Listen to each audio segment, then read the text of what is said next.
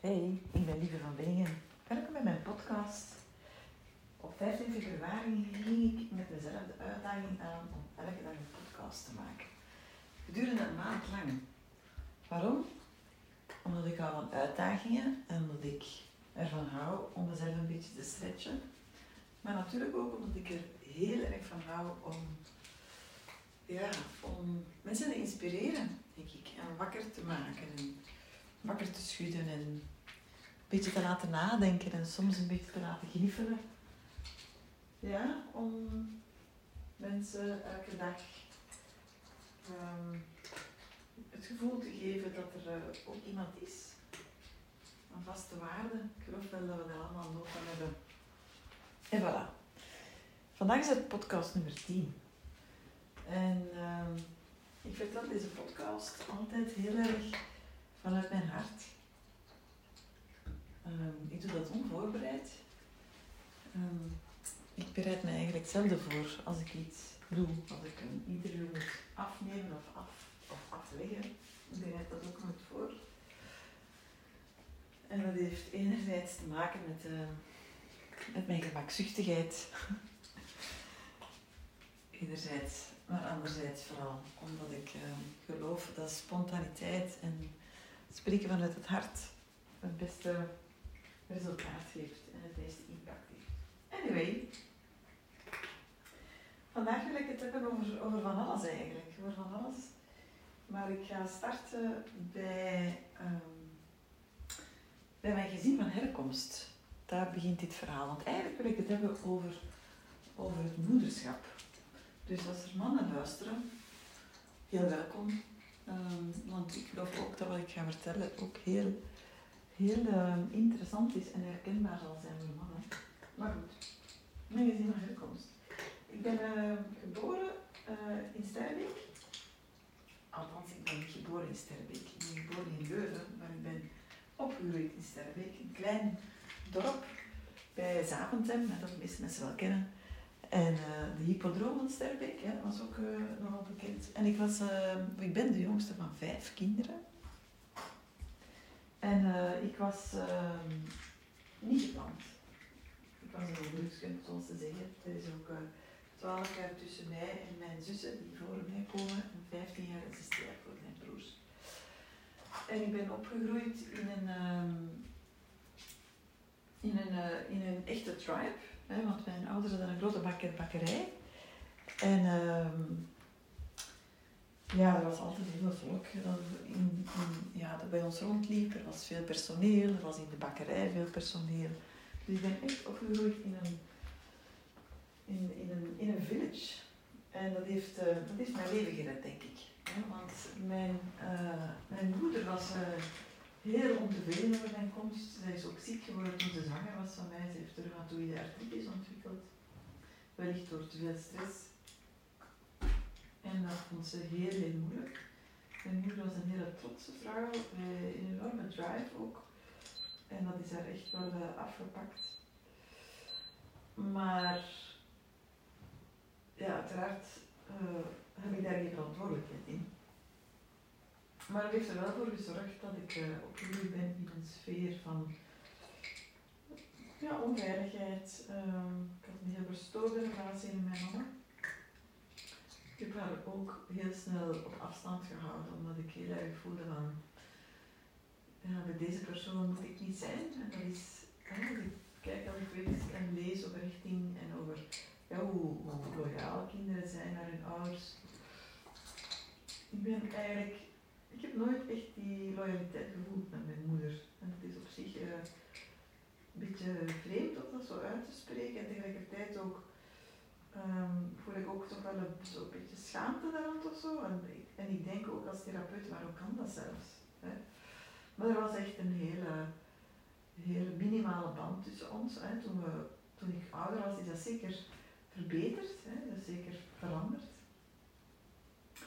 En dan hadden we mijn vader. Mijn vader eh, was, eh, mijn twee ouders zijn interbellum kinderen, geboren in de, tussen de twee wereldoorlogen. En mijn vader heeft heel verlies gekend in, ehm, ja, in, in, in de oorlog zelf. Hè, heeft veel bombardementen meegemaakt en zo. En als ik daar nu op terugkijk, zie ik dat, denk ik dat mijn vader wat depressief was. En ehm, dat was een beetje mijn context. Hè. Mijn grote broers en zussen waren ook waren ook snel weg van thuis, dus ik heb heel veel tijd doorgebracht met mijn ouders. En ik liep veel verloren thuis. Ik was zo, ik was een wijs kind. Ik altijd wijs natuurlijk, maar ik was echt een wijs kind. Ik zag veel, ik voelde heel veel, ik was uh, hooggevoelig. Um, ik had ook een zesde zintuig.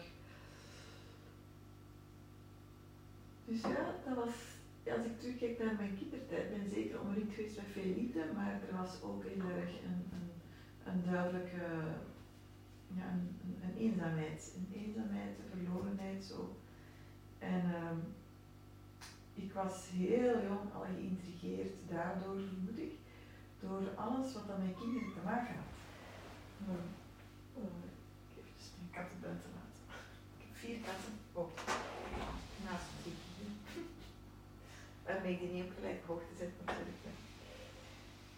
Um, en uh, ja, er was veel eenzaamheid, maar er was ook veel liefde. Dus heel erg de dualiteit. Maar dus, um, ik was heel jong echt geïntrigeerd door wat kinderen kan overkomen. Hè. Ik was heel jong uh, boeken over kindermishandeling, over kindermisbruik, uh, over ja, ontwikkelings, eh, ontwikkelingspsychologie. Um, ik ben altijd heel erg verbonden geweest met het kind vanuit mijn eigen situatie, zonder twijfel. Um, maar ik heb ook een heel diep aanvoelen van kinderen. Um, nog altijd, uh, nog altijd, dat is, nooit, dat is altijd zo geweest en dat is nooit weggegaan. Ik kan, als ik zo door de, de straat wandel nu en, en uh, ik zie een babytje of zo in een, in een maxicosi of in een buggy zitten of zo, ik ga daar altijd contact mee maken altijd. En um, ja, dat ontroert mij altijd heel erg. En dat ontroert mij nu ook, als ik erover praat.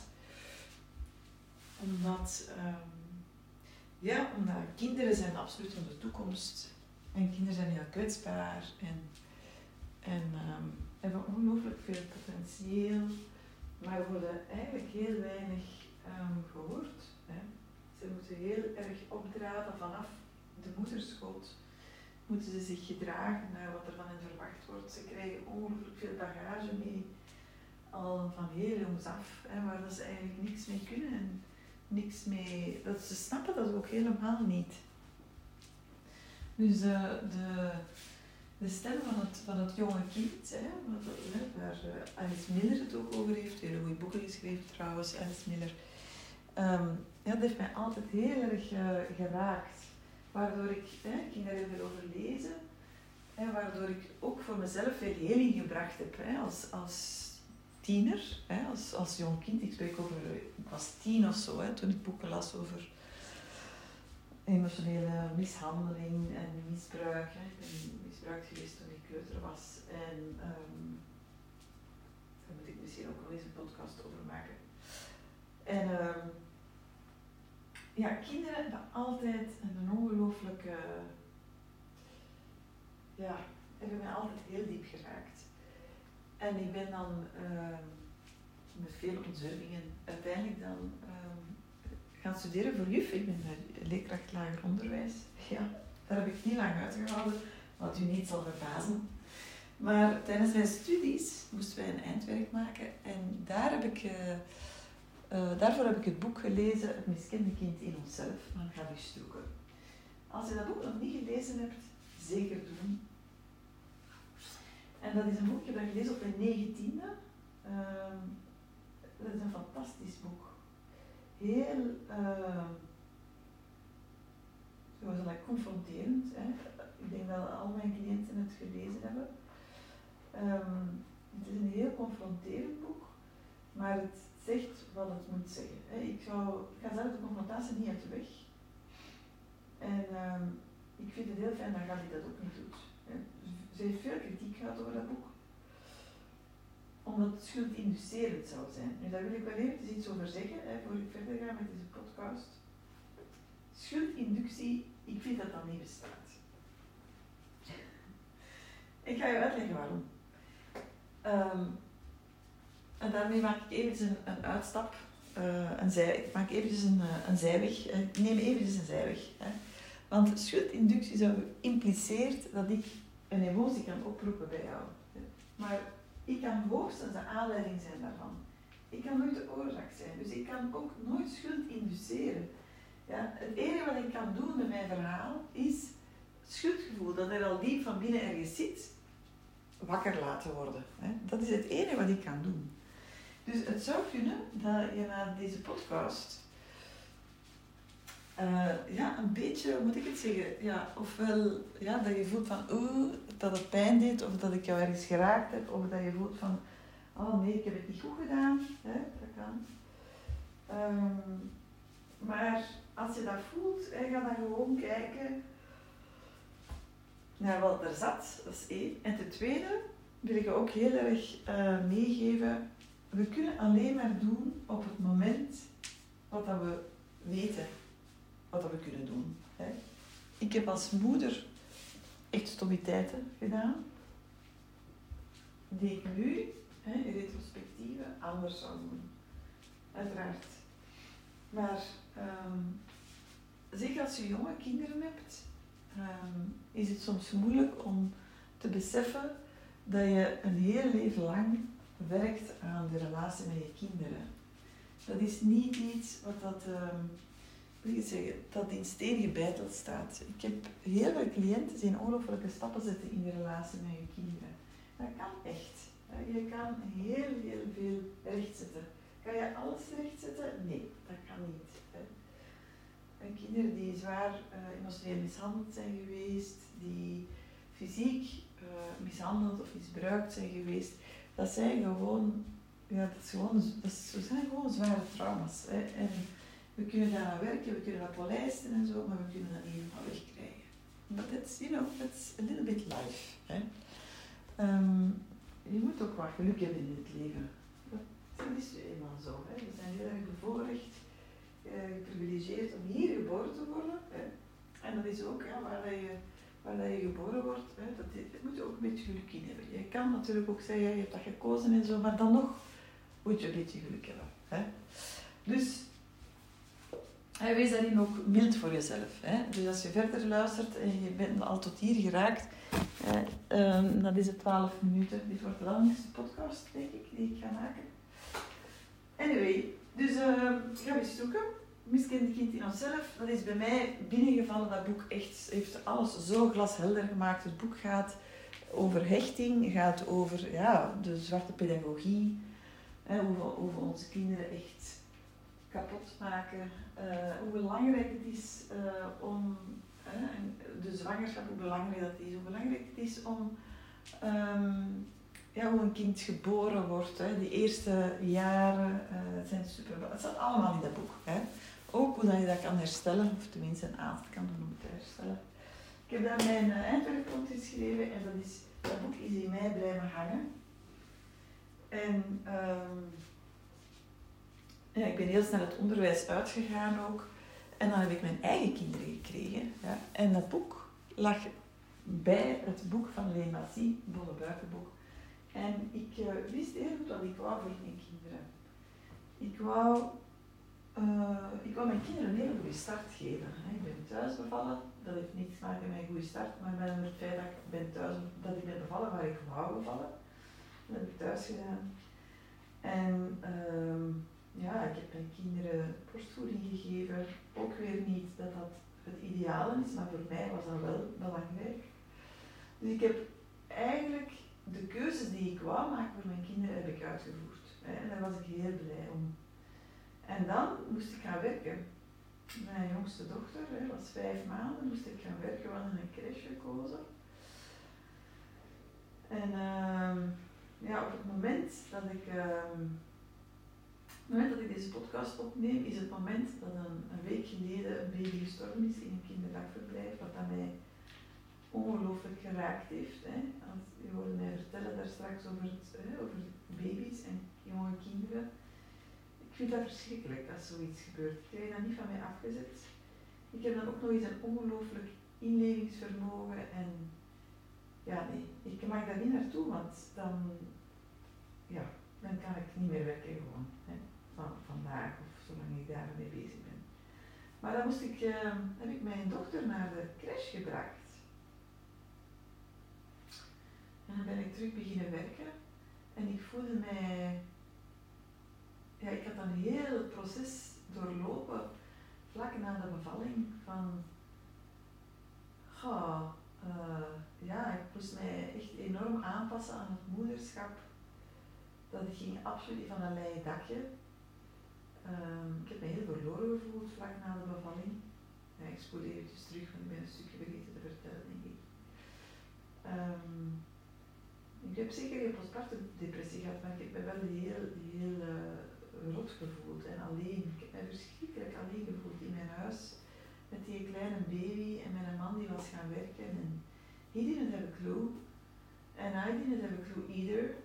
En dan was er die baby en ik had zoveel, ik had daar zoveel over gelezen en ik wist zoveel hoe belangrijk, ik wist daar zoveel over hoe belangrijk dat hechting was. En ja, dat heeft mij heel, heel diep geraakt hoe, hoe, ja, door welke processen dat een vrouw allemaal kan gaan in, als ze moeder wordt. Hè. Moeder worden is ook een, eh, een proces.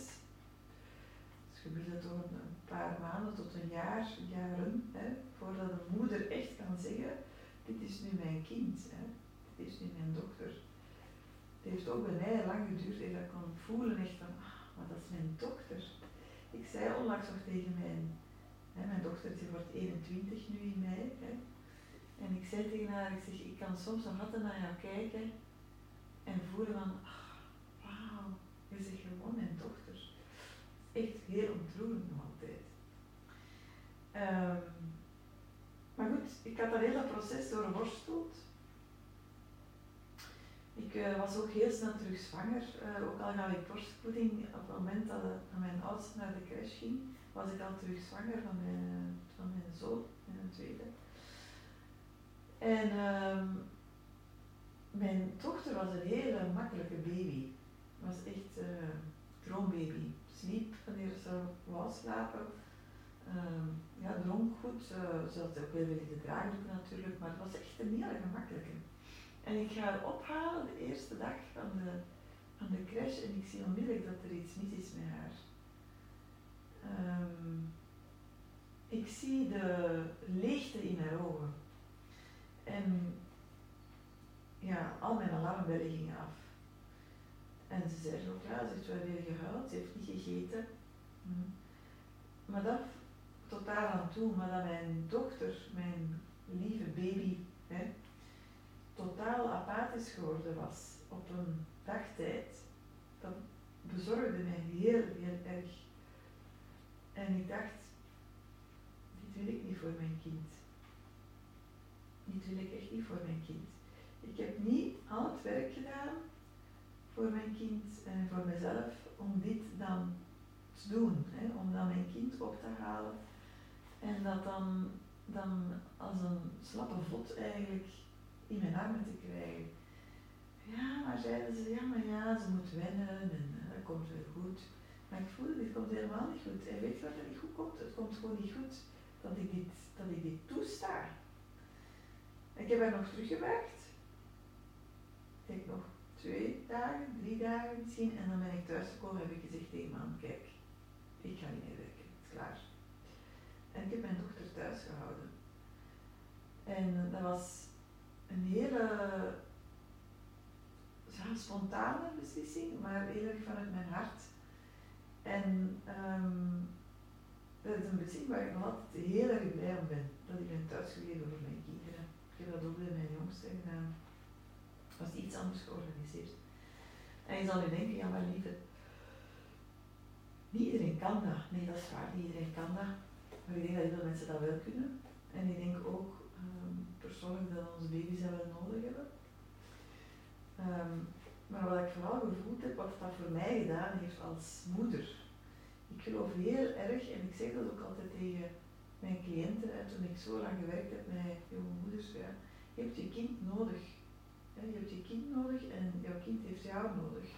En um, als ik zie hoe hard vrouwen worstelen en zich verscheurd voelen tussen werken en thuisblijven, ja, dan, dan klopt er ergens iets niet, denk ik. Hè. Ik ben absoluut niet uh, aan het pleiten voor de vrouw aan de haard en zo.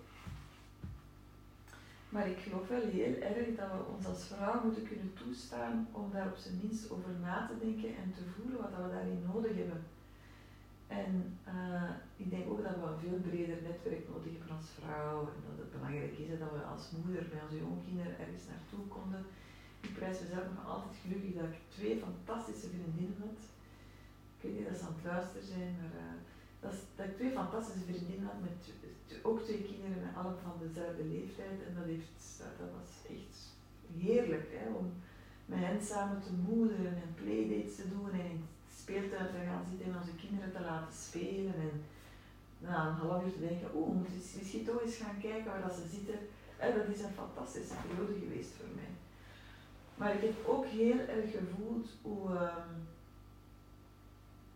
ja, hoe cruciaal voor een vrouw die periode is van zwanger zijn, bevallen en die, die jaren daarna. Ze spreken natuurlijk over, over het kind. Hè. Voor het kind is dat super belangrijk. Maar daar hangt ook een moeder aan vast.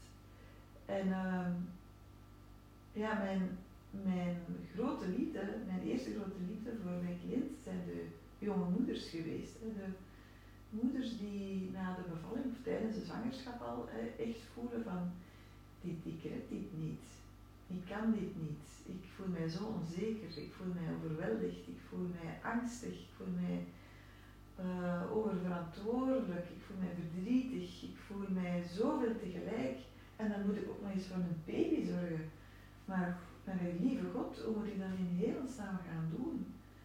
En dan komt daar nog voor heel moeders bij de druk van ik wil uh, mijn kind klaarmaken, naar de crash brengen of naar het onthaalmoeder gaan werken, terug thuiskomen, kind gaan ophalen. Dat is gewoon, denk ik, voor heel veel vrouwen veel te veel. En um, ik vind het heel logisch dan, hè? Uh, heel logisch dan dat heel veel vrouwen hun, ja, hun pedalen verliezen en uitgeput geraken en voelen van ja, of, zelfs geen tijd kunnen doorbrengen met hun kinderen. Ah, nee, hoe moet je dat doen als je gaat werken? En dan gewoon nog vier, vijf gaan werken. Maar hmm, gaat dat veel oplossen? Dat denk ik niet. Dus um,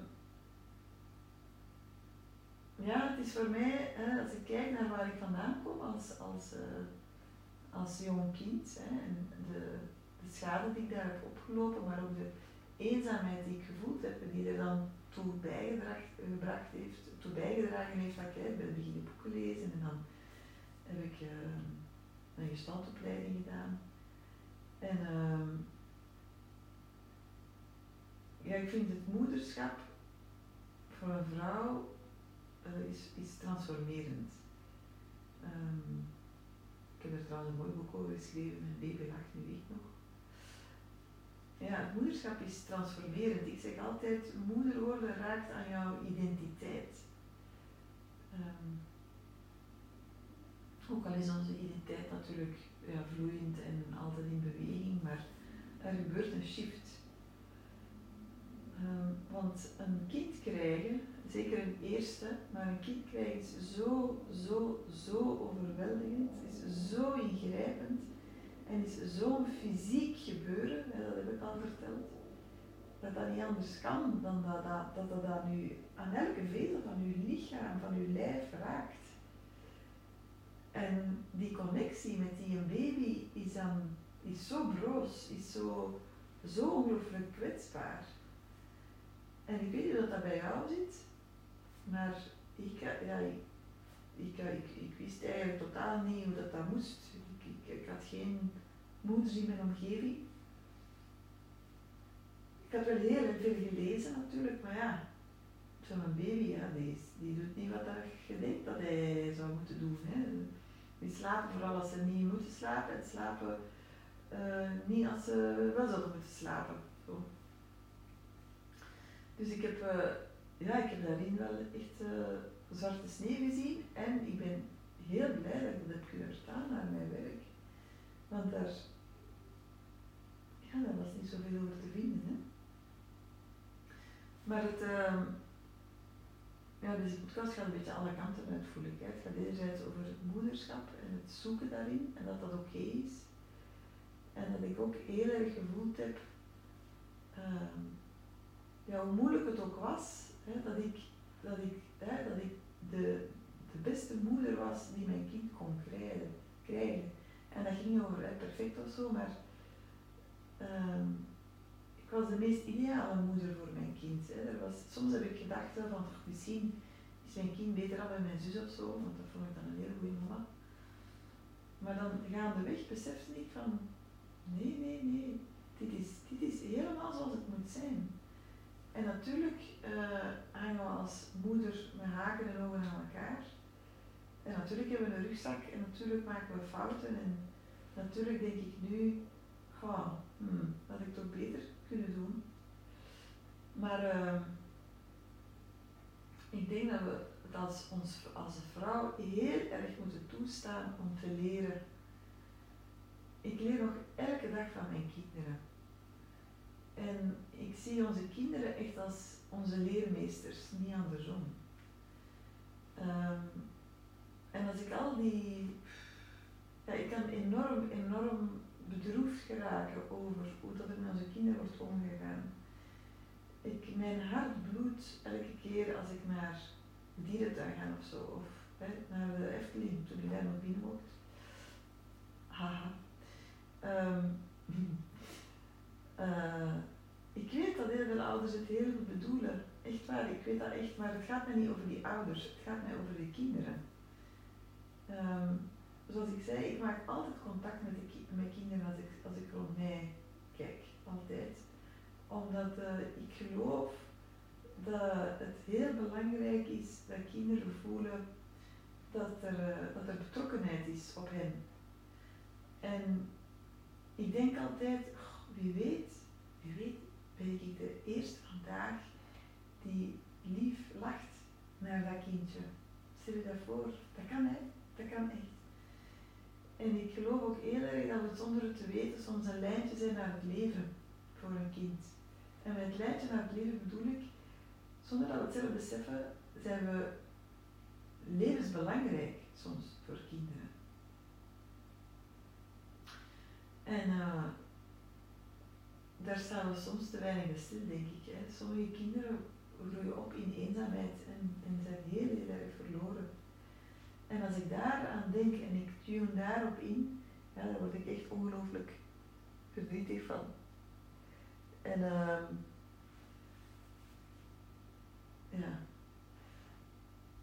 Dus ik, uh, ik geloof dat we, dat we als vrouw um, en als, als moeder en als, als vader en als man en als mens hè, daar echt verschillen kunnen in maken.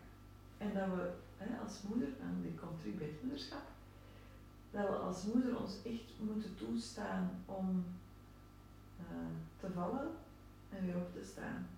En te leren en fouten te maken en sorry te zeggen tegen onze kinderen.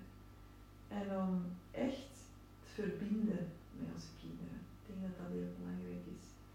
Dat we echt bij een open hart kunnen aanwezig zijn bij ons kind. En het gaat, onze kinderen verwachten helemaal niet dat we perfect zijn. Echt niet. Als je denkt dat jouw kind dat verwacht, haal het alsjeblieft uit je hoofd. Letterlijk, haal het er nu uit. Pak het vast uit je brein en gooi het weg. Doe die beweging maar. Want echt waar, dat is niet wat jouw kind verwacht. Totaal niet. Want er is niks dat zoveel druk geeft dat dan uh, samenleven met een ouder of ouders die, het allemaal perfect willen doen. Stel je maar voor hè, dat je in een perfect opgeruimd huis woont, met witte muren, hè, waar er nooit rommel mag zijn, hè, waar de kleertjes altijd netjes gewassen zijn, nooit een vlekje daarop. Alles piekfijn. Hè. Dat geeft, allee, ongelooflijk veel invloed dat dat heeft op een kind. En hoe druk dat we onze kinderen daarmee opleggen. Dus uh, lieve moeder daar aan de overkant en lieve vader. Ja, gun jezelf uh, het leerproces van het, van het ouderschap. En ga echt ga voelen bij jezelf. Um, als je het moeilijk hebt om te luisteren naar je kind, pardon, ga dan voelen bij jezelf, ja, wat wordt er eigenlijk diep in mij geraakt? En heel veel, heel vaak, is dat jouw eigen pijn als kind. Als je vindt dat jouw kind te luid is of te veel aandacht vraagt, of te, te, te, te, te druk is, ga dan eens bij jezelf voelen van, ja maar wacht eens even, hoeveel aandacht heb ik eigenlijk gekregen? Ja? Hoeveel drukte heb ik mogen maken? Hoe aanwezig heb ik mogen zijn?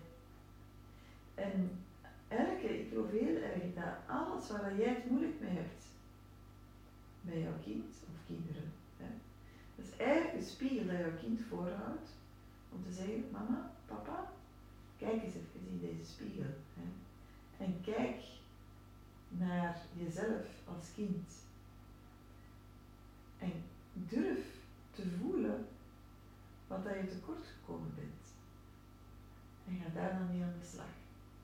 Want ik, hè, zegt jouw kind tegen jou, want ik, ik ben maar gewoon kind. Ja? En kinderen mogen kinderen zijn.